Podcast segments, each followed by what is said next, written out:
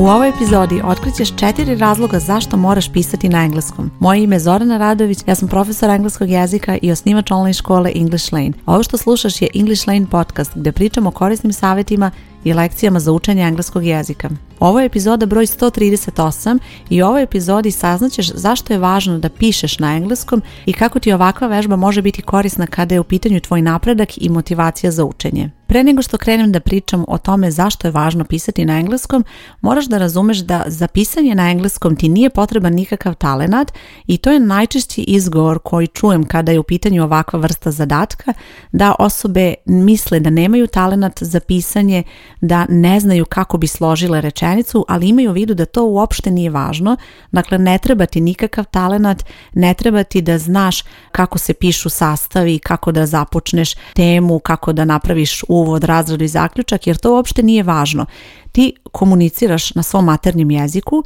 i ideja zadatka pisanja je da na isti način komuniciraš i na engleskom. Dakle, zamisli da sve ono što pričaš ili želiš da napišeš na maternjem jeziku uradiš i na engleskom. Dakle, ne mora to biti sastav, ne mora to biti neka analiza nekog pročitanog dela, već može biti nešto vrlo jednostavno kao što je recimo spisak za kupovinu ili neko zapažanje šta ti se desilo tog dana ili neke instrukcije za nekog kako da napravi neki kolaž, dakle nešto što želiš da kažeš u svakodnevnoj situaciji probaj da to uradiš na engleskom. Prvi razlog zašto moraš pisati na engleskom je sljedeći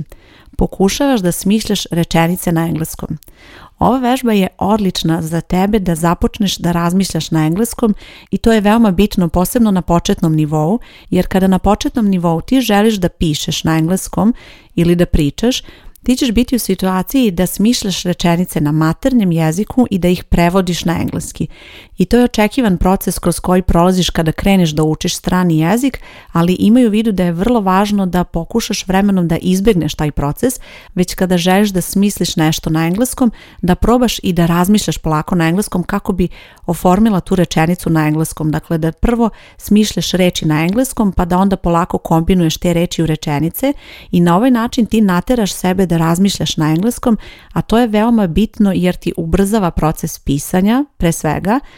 zatim ti pomaže da smišljaš rečenice kakve su u engleskom, odnosno fraze koje nije moguće vrlo lako bukvalno prevesti i treće pomaže ti da ubrzaš proces konverzacije jer ako u konverzaciji koristiš to prevođenje vidjet ćeš da će ti biti jako teško da se sporazumeš na engleskom, a ukoliko kreneš da razmišljaš na engleskom, odnosno nateraš sebe da polako razmišljaš na engleskom, vidjet ćeš da ćeš onda i u konverzaciji imati više sigurnosti, odnosno bit će ti lakše da smišljaš sliš ono što želiš da kažeš. Verujem da ti možda u početku to deluje teško, možda čak i nezamislivo, ali uz ovakve zadatke pisanja, uz što više vežbe i uz mogućnost da se okružiš engleskim jezikom, vidjet ćeš da ćeš moći to da izvedeš onako korak po korak, bit će to dosta možda jednostavno u početku, dakle to će biti neke kratke rečenice, ali bitno je da tako kreneš i da onda vremenom se trudiš da što više razvijaš tu sposobnost razmišljanja na engleskom. Zadatak pisanja ti omogućava da smišljaš rečenice na engleskom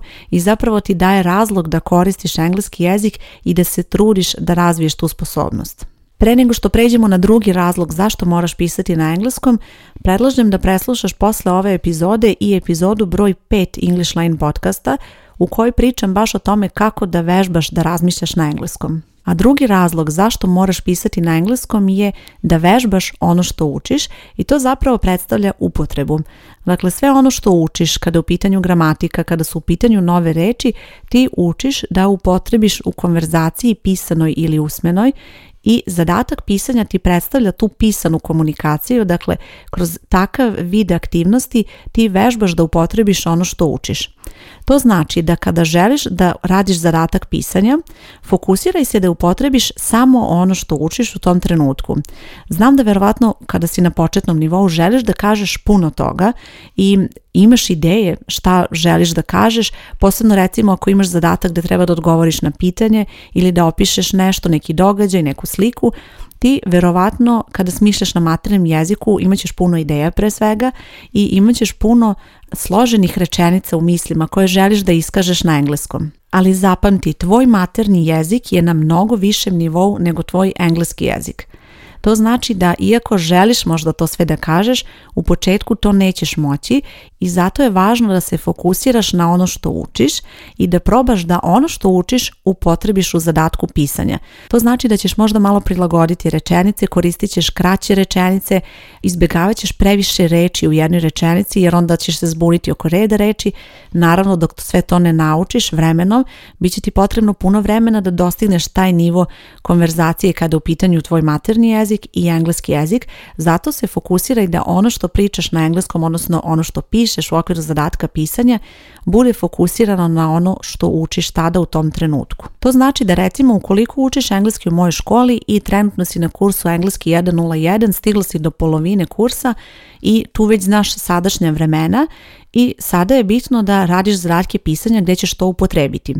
Imaju vidu da u tom trenutku ne možeš pisati zadatak pisanja gdje je potrebno da opišeš šta ti se desilo prošle sedmice recimo ili juče, jer to je nešto što nećeš moći da uradiš zato što je potrebno da koristiš prošlo vreme, a to je nešto što ćeš učiti tek pri kraju ovog kursa. Dakle, fokusiraj se na ono što znaš i na ono što učiš da možeš da uradiš te zadatke najbolje što možeš. Vidjet ćeš kurs u mojoj školi je napravljen tako da se od tebe neće očekivati da na polovini kursa koristiš vreme koje nisi učila, već samo ono što si učila do tada. Svi zadaci pisanja prate ono što učiš u okviru kursa i baš te usmeravaju da pišeš i da koristiš ono što si naučila do tada, a ima vremena i ima istrpljenja, vidjet ćeš kako napreduješ sa učenjem, naučit ćeš puno gramatike, puno novih reči i onda ono što želiš da kažeš na engleskom će vremenom biti složenije i bit će u skladu sa tim što želiš da kažeš i na maternjem. Treći razlog zašto moraš pisati na engleskom je zato što na taj način možeš da pratiš svoj napredak svima nama znači da ukoliko radiš na nečemu, želiš da poboljšaš nešto, vidiš zaista i napredak toga, posebno nakon mnogo uloženog vremena i zato je bitno da recimo kada radiš zadatke pisanja imaš mogućnost da se osvrneš i da vidiš šta je urađeno do tada. Ukoliko učiš engleski u mojoj školi vidit ćeš da je to vrlo jednostavno jer ćeš moći vrlo lako da se vratiš na prethodne zadatke pisanja. Tada ćeš moći da pogledaš šta je ono što si pisala ranije na početku kursa, šta je ono što pišeš u sredini kursa i kako se to menja, kako napreduješ dalje. Ono što je potrebno da primetiš kada upoređuješ ove zadatke pisanja je da rečenice postaju sigurnije, da postaju složenije i tačnije, da tvoj način pisanja postaje složeniji i da vokabular, odnosno fond reči u tvom pisanju postaje veći i da imaš mogućnost da mnogo toga više iskažeš kako napreduješ sa učenjem. Dešavat će ti se da misliš da ne napreduješ kada učiš engleski jezik, posebno ako radiš zadatke pisanja i kurs kako napreduješ postaje sve složeniji i očekuje se od tebe da znaš mnogo više toga i da to sve naravno upotrebiš, ali imaju u vidu da ako se osvrneš na ove zadatke pisanja i ako pogledaš recimo gdje si bila pre šest mjeseci, a gdje si sada, kako tvoje pisanje izgleda tada, a kako sada, vidjet ćeš da će ti ovo pružiti veliku motivaciju da nastaviš dalje, čak i u trenucima kada ti deluje možda nešto suviše teško, komplikovano, kada je potrebno recimo možda da se vratiš i obnoviš neke stvari, vidjet ćeš da je to u stvari veoma važno i vidjet ćeš koliko sve to utiče i ima utice na to kako se izražavaš na engleskom jeziku, a zapravo ovi zadaci pisana su odličan pokazatelj. I sada dolazimo do četvrtog razloga zašto moraš pisati na engleskom, a razlog je sljedeći. Koristiš engleski jezik redovno. Ovo je veoma važno kada učiš engleski jezik jer ta redovnost u učenju je nešto što će ti pomoći da zaista vidiš dobre rezultate i da ih zaista ostvaruješ konstantno, odnosno da ne praviš nikakve prekide u učenju, da ne praviš pauze između kurseva, već da se trudiš da koristiš engleski redovno.